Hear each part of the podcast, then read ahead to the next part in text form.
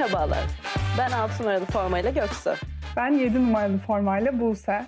Hem kendi hikayelerimizi anlatacağımız hem de yolu sporun herhangi bir dalından geçmiş insanları konuk alacağımız 6 artı 7 podcast kanalımıza hoş geldiniz. Hazırsanız spora ve sporcuya dair ne varsa konuşacağımız bölümümüze başlıyoruz. Herkese merhabalar. Nasılsınız? Umarım keyifler yerindedir. Ee, bu bölüm için çok heyecanlıyız. Çünkü sporcular için çok önemli bir konu olan e, psikolojiden bahsedeceğiz.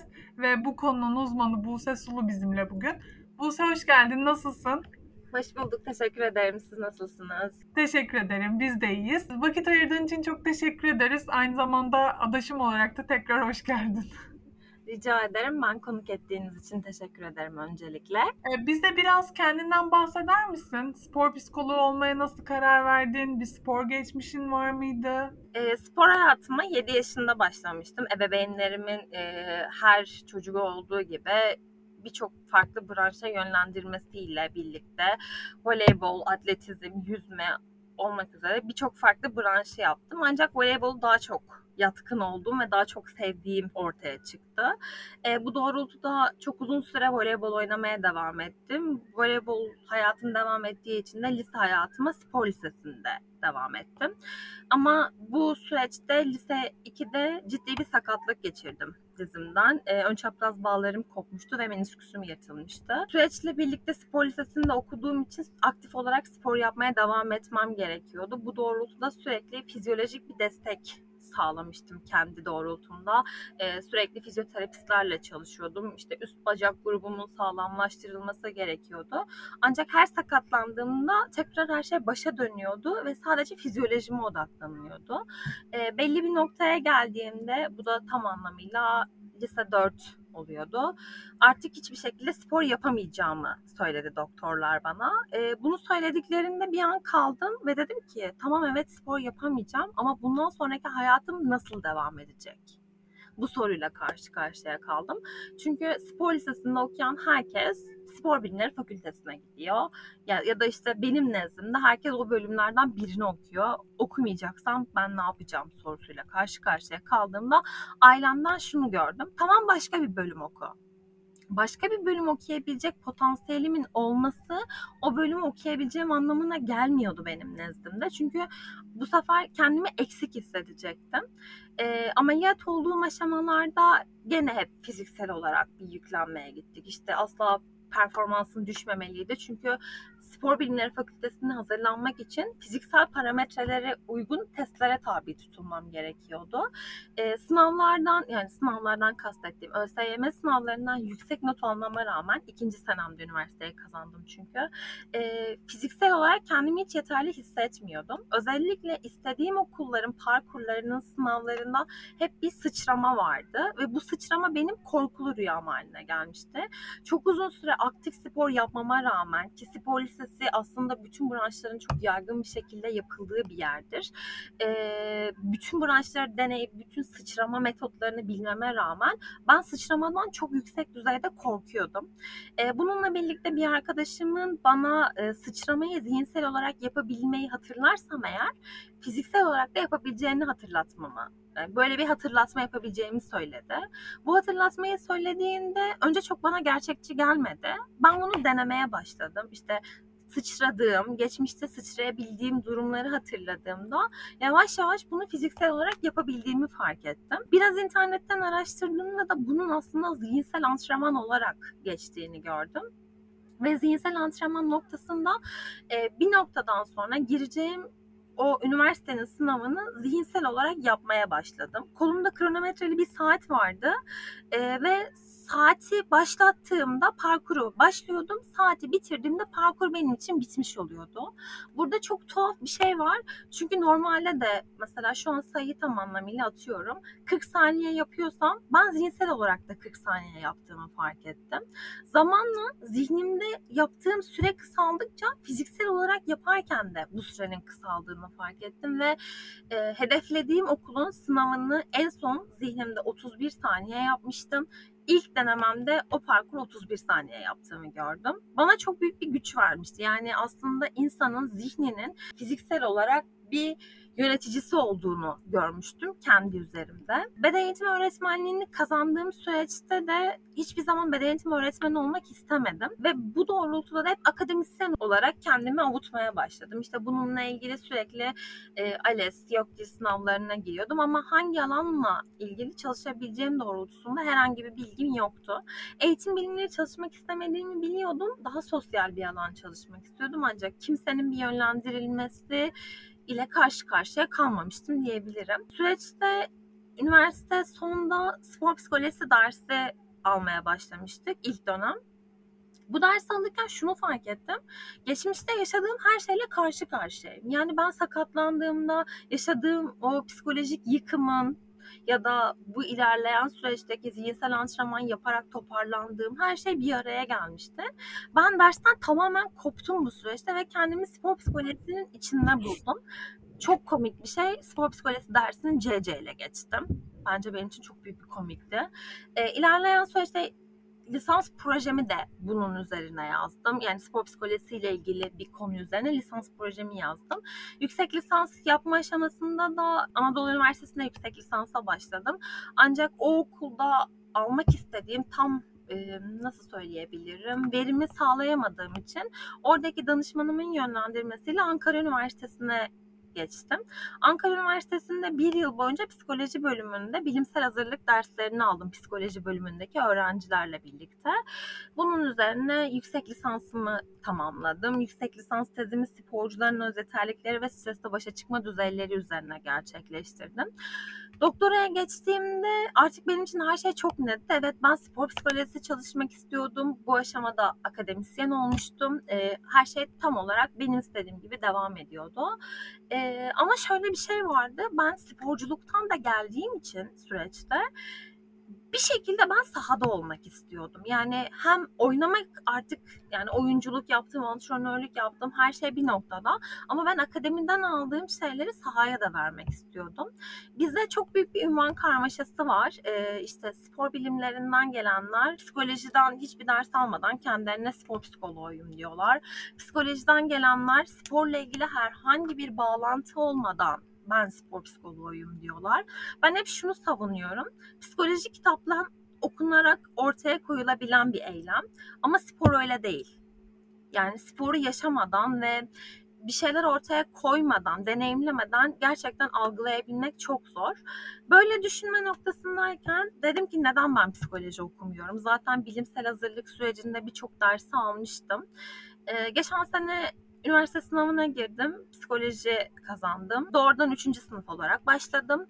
Şu an mezuniyet aşamasına yaklaşmak üzereyim. Süreçte alanda çalışıyorum. Ve bu bana gerçekten güç veriyor. Çünkü şunu fark ettim belli bir noktada. Ben artık akademide hiç çalışmak istemiyorum dedim. Çünkü iki buçuk sene akademisyenlik üzerine çalıştım. Oradan alabileceğim her şeyi aldım. Ama süreçte dedim ki sahada bu kadar deneyimim varken, bu kadar şey ortaya koyabiliyorken ben de oradan neden spor psikoloğu olarak çalışmayayım? Peki ya bu kadar gerçekten hani sporun içinden gelip bunları deneyimlemiş bir insan olarak şu an sporcularla beraber çalışıyorsun doğru mu? Evet şu an sporcularla birlikte çalışıyorum. Hem bireysel olarak sporcularla birlikte çalışıyorum. Ee, geçen hafta Türkiye Okey Federasyonu A Milli takımıyla Avrupa şampiyonu olduk. Aa, tebrikler. Teşekkürler. Aynı zamanda İBB Spor Kulübü A Milli takımının şu an spor psikologluğunu yapıyorum. Yeni sezona birlikte başladık onlarla. Hı. Bireysel de danışmanlıklar yapıyorum aynı zamanda. Peki sporcular hangi durumlarda senden destek almalı? Yani genelde e, senin gördüğün neler hissettiğinde sana geliyorlar? Aslında şöyle, spor psikolojisinin üç farklı işlevi var. Yani bu işte fiziksel performans arttırmak ya da toparlanmaya yardımcı olmak olarak kullanılabiliyor. Sporcuların teknik e- öğrenimlerini hızlandırmak veya müsabakaya hazırlanmalarını sağlamak için ya da performansı engelleyen faktörlerin ortadan kaldırılabilmesi için biz spor psikolojisini kullanıyoruz. Ee, ama ülkemizde şöyle bir şey var. Sporcu, e, siz de spor geçmişinize dayanarak bunu söylüyorum. Bir sporcu spor hayatının her evresinde kondisyonerle birlikte sezon içinde ve sezon sonrasında fiziksel performansını destek sağlamak için çalışmalar yapıyor. Ancak spor performansının sürdürülebilirliği açısından da psikolojik olarak da destek alması lazım. Yani bir, bir sporcunun bir spor psikoloğundan destek alması için herhangi bir durum olması gerekmiyor. Birçok amaç var, işlevler var ve bu doğrultuda sporcu her aşamada aslında bir spor psikoloğundan destek alabilir.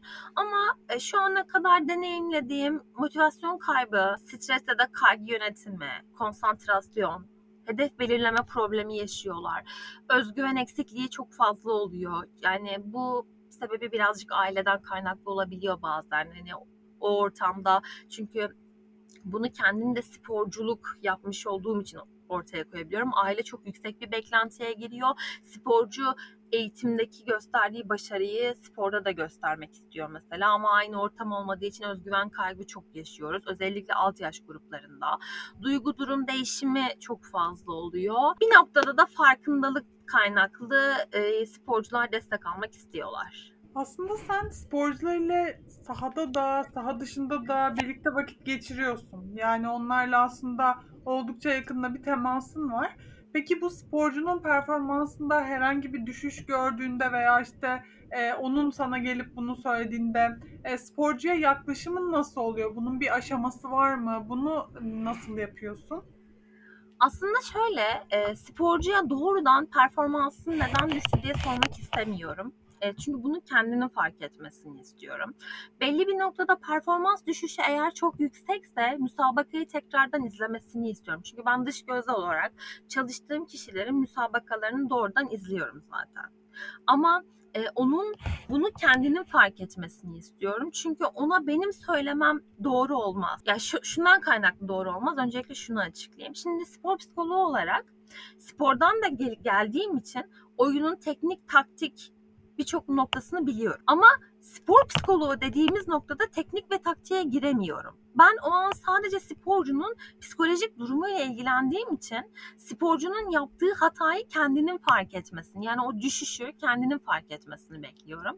Eğer bunu fark etmeme noktası varsa yani sporcu eğer bunu kendi fark etmiyorsa bu noktada farklı soru metotlarıyla bunun sebebini ortaya çıkarmaya çalışıyorum. Yani doğrudan sporcuya neden modunun düşük olduğunu sormak onu daha olumsuz etkileyebilir. Evet aslında kesinlikle katılıyorum bu arada. Yani kendi tecrübelerimden de yola çıkarak yani karşımdaki kişi işte bu arkadaşım da olabilir, antrenör de olabilir veya bir spor psikoloğu da olabilir.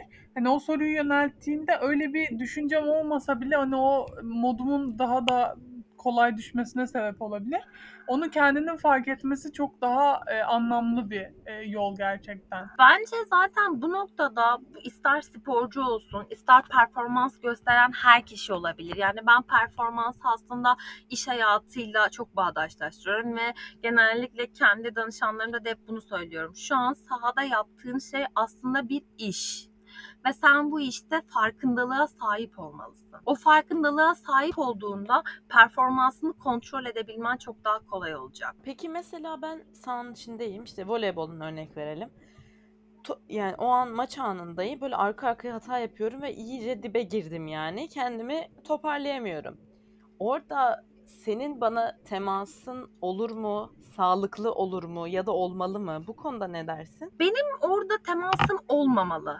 Yani şöyle söyleyeyim daha doğrusu şu an aktif olarak sahaya giren hiç spor psikoloğu görmedim. Ama çok yakın bir zamanda kendim için böyle bir teklif aldım. Yani antrenörlük belgem var. Bu işi yapıyorsun benimle birlikte yardımcı antrenör olarak sahaya gelebilirsin. Şimdi bu doğru bir şey değil. Bu doğru olamaz. Yani ben sahanın içinde antrenör orada teknik taktik bir geri dönüş verirken sporcunun psikolojik durumuna dahil olamam. Çünkü spor çerçevesinde siz de işte eski sporcu olduğunuz için oradan yola çıkarak söylüyorum bunu. Bir müsabaka anında zaten sporcu bir akışa dahil oluyor. O akıştan onu çıkartıp problemini çözmeye çalışmak ya da oradaki problemin ne olduğunu ona yansıtmak bence çok doğru bir şey değil. Ya bana bir de şey gibi geliyor yani Bu tamamen aslında bir süreç. Yani nasıl işte orada maç anında aniden sıçramanı 2 santim arttıramayacaksan veya işte hızını veya oradaki işte oyun okumanı arttıramayacaksan hani o psikolojiyi de aslında bir anda e, yapamazsın. Yani o psikolojiyi bir anda düzeltemezsin. Bunun için de öncesinde yeterli çalışman gerekiyor. Hani buna emek vermen gerekiyor. İşte birlikte dediğin gibi işte spor psikoloğuyla bir süreç halinde bunu planlaman gerekiyor ki sen o maç anında e, mental olarak buna hazır ol. Nasıl fiziken biz maçtan önce antrenmanlarla hazırlanıyoruz. Aslında antrenmanlarla yine aynı şekilde mental hazırlığını da tamamlamış olman gerekiyor bir bakıma. Kesinlikle öyle. Zaten e, bir takımla, bir sporcuyla ya da bir federasyonla çalışmaya başlama aşamasında söylediğim ilk şey ben sihirli bir değnek değilim. Bir sporcuyla bir haftada, bir ayda mükemmel şeyler yapamam. Zaten bu sporcudan sporcuya değişen bir unsur olduğu için hani bazı sporcuyla 3 seans yapıyorsun. O kadar böyle olayların farkında kendini kontrol edebiliyor ki uçurumlu bir fark görüyorsun. Ama bazılarıyla yapıyorsun. Kendi o kadar kapalı ki duvarları var ve duvarlardan önce çıkmasını sağlaman gerekiyor. Evet. Şimdi böyle bir değişkenlik gösterilen ortamda benim o sporcuya müsabaka anında geri dönüş verebilmem imkansız. Hı hı. Ya bu benim değil bence. Bu işi yapan herkes için imkansız. Aynen. Nasıl olabilir? Belki nasıl olabilir? Ee, bireysel sporlarda anlık durmalar olmadığı için hani mesela takım sporlarında çok kısa dönemler var ve o dönemler arasında zaten kişiye teknik taktik geri dönütler veriliyor. Bu geri dönütlerle birlikte oyuncu oyuna devam ediyor. Ve bu bir takım oyunu da olduğu için tek bir kişinin değişebilmesi, oyunu değiştiremeyeceği için bütüncül bir bakış açısıyla yaklaşıyoruz. Ama daha bireysel ve arada periyot olan dönemlerde ki sporcularla çalışılırken orada tabii ki de arada geri dönüş verilebilir. Yükselmesi sağlanabilir ya da kaygılı bir durumda kaygıyı kontrol etmesi için egzersizler yapılabilir. Bu imkansız değil. Genel olarak baktığımızda hep takım spor perspektifinden konuştuğumuz için e, takım sporları çerçevesinde maç içerisinde sporcuya temasın çok mümkün olmadığı gerçeği var. Ancak bireysel sporcularda yarış aralarındaki geçen süreçte spor psikologlarının sporcuyla kontak halinde olabilmesi olağan bir durum. Çünkü e, o arada sporcu ne hissettiğini ya da neden bu şekilde hissettiğini eğer aktarırsa kontrol mekanizması oluştuysa eğer psikoloğuyla arasında güçlü bir dinamikle akışa daha kolay girebilir sporcu. Ama bence takım sporlarında bu durum biraz zor. Yani sporcunun kendi yaşamının dışında onu etkileyen dış birçok faktör de var ve bu faktörlerden bence en önemlilerinden biri de e, aile faktörü. E, ailelerin tutumu sporcuların performanslarını etkileyecek boyutlara gelebiliyor. Yani o kadar e, yükselebiliyor. E, bir spor psikoloğu olarak sporcuların aileleriyle de görüşme gerçekleştiriyor musunuz? Ben şu ana kadar hiç gerçekleştirmedim. Belki bunun sebebi hep e, üst yaş grubu sporcularla çalışmamdan kaynaklıdır. Ama şuna katılıyorum. Evet sporcuların e, aileleriyle olan ilişkileri performanslarını etkiliyor. Ya da şunu söyleyebilirim. Sporcuların ailelerinin geçmişteki beklentileri profesyonelleştikleri aşamada bile düşünce yapılarını etkiliyor. Ama aileyle görüşme aşamasında alt yaş gruplarında, ergen gruplarında ya da erken özelleşme dönemindeki sporcular aşamasında aile, antrenör ve sporcu kontağı halinde çalışmak sporcu açısından daha verimli olacaktır. Peki senin için sporcularla çalışmak keyifli mi? Benim için sporcularla çalışmak çok keyifli çünkü onları tanıyorum neler hissettiğini anlayabiliyorum. E, neler hissettiğini anlamak beni çok rahatlatıyor. Diğer noktadan diğer noktada keyifli olan bir aşaması da ben aynı zamanda antrenörlük de yaptım. Yani sporcuyu biliyorum, antrenörü biliyorum ve çıktının ne olması gerektiğini biliyorum baktığımızda. Bu aşamada da e, her şeyini bildiğim için bu kompakta sporcuyla çalışmak en zevkli hale geliyor. Kontrol mekanizması çok yüksek. Mesela bu evet bir kayıt belki de bunu bir antrenör dinleyecek ama ben çalıştığım sporculara oyun içinde antrenörün çok önemli bir etkisinin olmadığını çünkü her şeyi kendilerinin yapabileceğini söylediğimde sporcunun verimi direkt artıyor. Çünkü antrenör aslında baktığımızda bir takımda bazen 10, bazen 12, bazen 24 kişiye yetmeye çalışıyor. Ama sporcu eğer bu noktada kendi payını oluşturamazsa bir anda antrenör benimle ilgilenmiyor noktasına geliyor. Böyle olunca da ben bu dinamiği bildiğimden kaynaklı sporcuyla çalışmak benim için en kolayı. Ne yaşadığını hissedebiliyorum ve ne yaşadığını hissetmek direkt aramızdaki o etkileşimi arttırıyor. Evet ya ben şuna çok katılıyorum. Sahanın içinde o yani müsabaka esnasında gerçekten antrenörün etkisi yok denebilecek kadar az sporcuya birebir de. Çünkü bir şeyleri zaten baştan anlatmak hiç mümkün değil. Ama şöyle bir durum var. Bence evet antrenmanda antrenman veren antrenörün etkisi çok fazla. Ama maç anında coaching dediğimiz asıl zaten bence antrenörlük orada devreye giriyor. Hani müsabakanın kazanılması için böyle ufak dokunuşlar yapan insan benim için antrenör. Hani koç. Evet gerçek koçluk o denebiliyor. Ben en azından böyle yorumluyorum kendimce. Yani sana çok katılıyorum bu konuda. Peki bu kadar güzelliğin yanında zor bir yanı var mı? Zor bir yanı e, aslında tabii ki de her güzel şeyin zor yanı var. Her sporcu aynı değil. Direkt. Yani bu çerçevede de beklentiler, amaçlar değiştiğinde sporcunun tutumu da değişiyor. Ve spor çok güçlü bir dinamik. Spor güçlü bir dinamik olduğu için sporcunun içerideki rolü de çok güçlü. Performans faktörü ortaya girdiğinde sporcunun bir anda mod değişimi gerçekleşebiliyor. En zor yanı dinamiğin içinde her zaman optimalin üstünde kalabilmek. Sporcuyu orada tutabilmek. Bunun için de sporcuyla ciddi anlamda e, güçlü bir bağ oluşturman gerekiyor. E, bu bağ oluştuğunda zor yan birazcık daha azalıyor. Ama hep bir performansa dayalı olduğumuz için bir çözüm odaklı ilerlememiz lazım.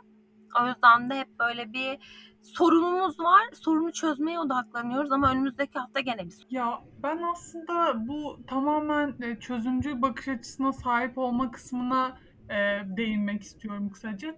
Yani o spor psikoloğuyla çalışmanın aslında o, e, önemi orada başlıyor bence. Yani o so- sorunlara nasıl çözebilirim? Yani nasıl o bakış açısına sahip olabilirim? Çünkü o kritik anlarda gerçekten o işin içinden çıkmak ve bunu çok kısa sürede yapmak oldukça zor. Yani benim çevremde en azından e, spor yaptığım dönemde mental olarak çok zorlanan çok fazla arkadaşım vardı.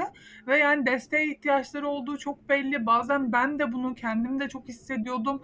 Ama işte bu kulüpler tarafında çok bazen olumlu da karşılanmıyor. Yani bu özellikle spor psikoloğuyla çalışma tarafı.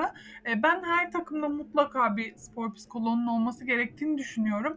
E, senin şimdiye kadar çalıştığın kulüpler olabilir, işte bir birlikte çalıştığın isimler olabilir. Sence spor kulüplerinin bu yaklaşımı nasıl? Yani nasıl karşılanıyor e, spor psikologları? Bence sizin de geçmişte sporculuk yapmanızdan kaynaklı bu durumun şu an ülkemizde çok daha elverişli olmadığı konusunda hemfikirizdir diye düşünüyorum. Bu noktada birçok etken var. Bunun sebeplerinden bir tanesi geçmişte spor psikolojisinin e, böyle birazcık nasıl söylesem böyle çok daha şey yapmak istemiyorum. Abi yani bir dil kullanmak istemiyorum ama hoyratça yapılması diyebiliriz. Böyle çok gelişi güzel yapılmasından kaynaklı olabilir bu durum. Bu yüzden çok fazla ön yargı var. Yanlış yolla izlenmesinden kaynaklı. Konuşmamın başında söylediğim gibi spor psikolojisi çok böyle multidisipliner gözüken ancak e, ilgi duyan herkesin ben spor psikoloğuyum, ben spor psikolojisi çalışıyorum dedikleri bir alan olduğu için tam olarak kalifiyeli olmayan birçok hocamızın ya da arkadaşımızın gittiği kulüplerden kaynaklı ön yargının oluşmasıyla birlikte alana yönelik çok fazla soru işareti var. Bunu kırmaya çalışıyoruz. Bunun bu şekilde olmadığını göstermeye çalışıyoruz. Bunun çok önemli olduğunu göstermeye çalışıyoruz. Çünkü e, aslında baktığımızda ben bir sporcuyla ya da bir kulüple çalışmaya başladığımda ilk toplantımızda hep şu cümleyi kullanıyorum. Spor performansı teknik, taktik fizyolojik ve psikolojik parametrelerden oluşuyor. Ve bir kişi hiçbir zaman %100 performansını sergileyebilecek bir noktaya gelmiyor. Biz psikolojiye hiç önem vermiyoruz teknik, taktik ve fiziksel olarak parametrelerimizin hepsini full olarak yerine getirsek bile kişi aslında %75 üzerinde %75'lik bir performans gösteremiyor. Ve bu durum bizim sporcularımızın yurt dışındaki sporcularla kıyaslandığında neden performanslarının daha düşük olduğuyla karşı karşıya getiriyor. Ama yurt dışına baktığımızda her sporcunun bir spor psikoloğu var. Bunun bir noktası da bence şu olduğunu düşünüyorum. Bizim ülkemizde psikoloji kavramı ya da psikolojik destek kavramı böyle öcü bir kavram. Hani biri eğer psikoloğa gidiyorsa ya da onun psikolojik bir problemi varsa o sanki problemli bir insan. Ama psikoloji sadece bir problemi ortadan kaldırmak için yok. Psikoloji iyi oluşu arttırmak için de var. Yani iyi olanı neden daha iyiye götürmeyelim noktasında. Ya bu yüzden de takımların bu doğrultuda daha çok ellerinden gelenin daha iyisini yapmaları gerekiyor. Ancak şu an ülkemizde bu durum çok iç açıcı değil diyebiliriz. Evet, kesinlikle daha da bunun yaygınlaşması gerekiyor. Doğru olarak spor psikolojisi yani bence bunun antrenörlerin de çalışması gereken bir durum olarak değerlendiriyorum ben. Yönetici, antrenör kim varsa hani herkesin bir şeylerin olabilitesini en az sporcular kadar onların da biliyor olması gerekiyor diye düşünüyorum. Peki senin bundan sonraki kariyer hedeflerin neler? Bundan sonraki kariyer hedeflerim noktasında aslında sanırım yurt dışında bir staj yapmak istiyorum. Yaşım el verir mi bilmiyorum bu duruma. Eğitim hayatım noktasında. Ama ben kariyer hedeflerimde şu ana kadar ki basamaklamaları doğru geldiğimi düşündüğüm için bence bunu da yapabilirim. E, yurt dışında gerçekten deneyimli insanların yanında daha kalifiyeli bir hale gelmek istiyorum. Yani spor psikolojisine yönelik tek hedefim bu diyebilirim şu anki noktada. Gerçekten spor alanında e, senin gibi hem kendini geliştirmeye çok açık hem de aslında sporcuları çok iyi anlayabilen insanlara çok ihtiyaç var bence. Umarım e, tüm hayallerini ve hedeflerini gerçekleştirirsin ve bu alanda e, gelişmeye de devam edersin. Çünkü çok önemli bir konu bence. E, bunun üzerine her kulübün, her sporcunun gerek kişisel gerek de takım oyunu oynarken e, bence eğilmesi gereken bir konu. O yüzden e, teşekkür ediyoruz verdiğim bilgiler için de. Ben E, şimdi teşekkür ederim. E, şimdi de seni daha yakından tanıyacağımız bir bölümümüz var aslında. E, buradaki sorulara da hakkında ilk gelen kısa cevapları vermeni bekliyoruz. Eğer hazırsan e, ilk sorumuzla başlayacağım. Hazırım. Heyecanlandım şu an. check, check, check, check. E, dünyada tek bir şeyi değiştirebilecek olsan bu ne olurdu? Kesinlikle herkesin hayvan sevmesini isterdim. Peki sıfırdan bir şey öğrenecek olsan bu ne olurdu? İngilizce. Seni en çok heyecanlandıran şey nedir? Yeni başlangıçlar ya da tecrübeler edinmek. Hı hı. Tek bir şehir seçmen gerekse İzmir. hangisi olurdu? Şehir dediği an ben de İzmir. İki İzmirli bu cevabı beğendi. en son öğrendiğin şey nedir? Bazı zamanlarda durmam gerektiği. Çok önemli bir şey bu. Evet. En sevdiğin restoran veya yemek türü? Pizza diyebiliriz İtalyan restoranı. Peki aldığın en garip iltifat nedir? Ay hiç iltifat almıyorum ki ya buna pas? Ay mutlaka alıyorsun. İşle ilgili değil yani. Çevrendekilerden de almışsındır. Genelde deli diyorlar ama E bu da bir şey. genelde deli doktoru olarak anılıyorum. Teşekkürler. Zaman senin için en yavaş nerede geçiyor? Ay hoşlanmadığım insanlarla birlikteyken zaman geçmek bilmiyor. Ee, peki en kötü yiyecek kombinasyonu nedir sence? Peynir, bal, yumurta. Daha kötüsünü hiç re- rastlamadım. On- Onları Ya. aynı anda yiyen insanlara var ya böyle şeyler nasıl yani? Gerçekten mi? Duymayı en sevdiğin kelime ne? Başarabilirsin. Aa, çok güzel. Bol bol da kullanıyorsun bence. Evet. Peki yüzünü ne her zaman gülümsetir? Ailem. Evet, aile her zaman gerçekten yüzümüzü güldürür, gülümsetir. Benim için gerçekten en üst level'dalar. O yüzden daha üstünü hiç görmedim. Buse çok teşekkür ederiz. Ee, tüm böyle sorulara samimiyetinle cevap verdiğin için sayende hem bu alanı çok yakından tanımış olduk hem de senin gibi idealist bir spor psikoloğuyla tanışmış olduk. Zaman ayırdığın için tekrar çok teşekkür ederiz. Çok keyif aldık gerçekten. Ben teşekkür ederim. Evet. Bu arada Buse'nin e, Instagram'da e, özellikle spor psikolojisi üzerine bahsettiği böyle bir sayfası var. E, onun da yine e, açıklamalar kısmına e, senin o linki koyarız. e, Instagram sayfanı. Bu alana ilgisi olanlar da Buse'yi oradan takip edebilir. Teşekkür ederim. Veya bireysel olarak seninle çalışmak isteyen olursa bunu kabul ediyor musun dışarıdan? Evet evet yani e, zaten süreçte takım bağlantısından ziyade bireysel olarak çalışmak bence performansı daha etkiliyor. O yüzden bireysel çalışmak isteyen bütün sporculara açığız. Tamam süper o zaman. Süper. Tekrar çok teşekkür ederiz. Ben Dinlediğiniz teşekkür için Çok ederim. güzeldi. Kendinize çok iyi bakın. Sonraki bölümlerde görüşmek üzere. Görüşmek üzere. Hoşçakalın.